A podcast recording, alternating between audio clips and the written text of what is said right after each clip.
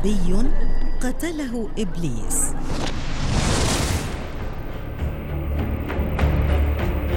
نبي كان كفيلا لإحدى أقدس نساء الكون وهو والد نبي قتل ظلما وبهتانا. ليس هذا فحسب بل هو ذاته قتل بطريقة مأساوية للغاية. والذي قتله هو ممثل الشر الأعظم في كافة الأكوان والأزمان إبليس. النبي زكريا مذكور في أسفار العهد القديم والإنجيل والتوراة والقرآن. ففي التوراة ذكر باسم زكريا بن برخيا وفي الإنجيل هو والد يوحنا المعمدان أي النبي يحيى عليه السلام. وفي القرآن ذكر باسم زكريا.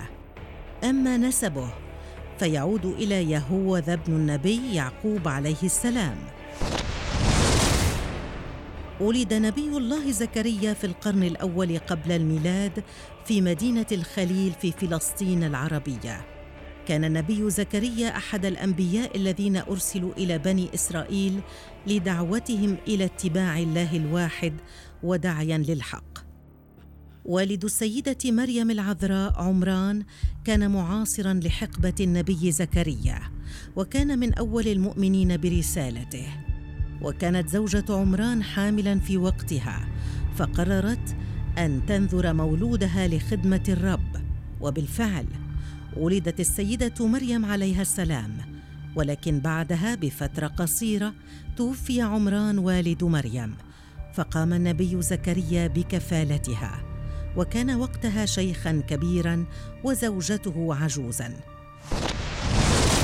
نبي الله زكريا لم يكن لديه الأولاد فبقي يدعو ربه أن يرزقه بذرية صالحة. وبالفعل ولد له النبي يحيى عليه السلام أو يوحنا المعمدان.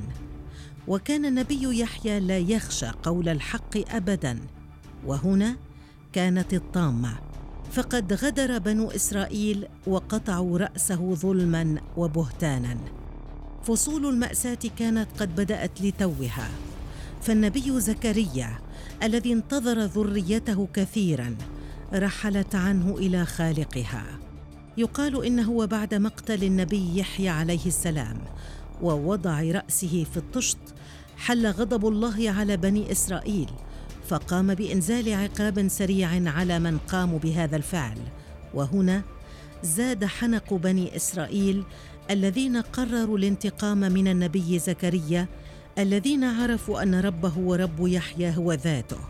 ولكن شاء القدر أن يصل نذير إلى النبي يحذره من بطش القوم وأنهم يمكرون له مكرا شديدا فقرر الهرب منهم.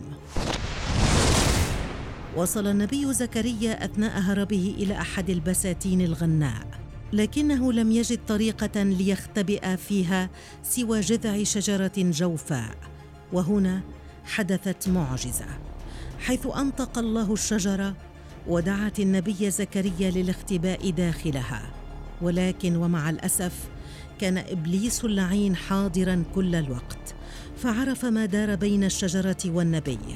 اقترب إبليس من الشجرة وكان قد رأى بعضا من ثوب النبي يتدلى خارجها وما إن وصل القوم يبحثون عن النبي حتى وسوس لهم وقال إن زكريا قد استعمل سحره ليختبئ داخلها وبالفعل قاموا بالبحث حتى وجدوا الشجرة التي يكمن فيها النبي.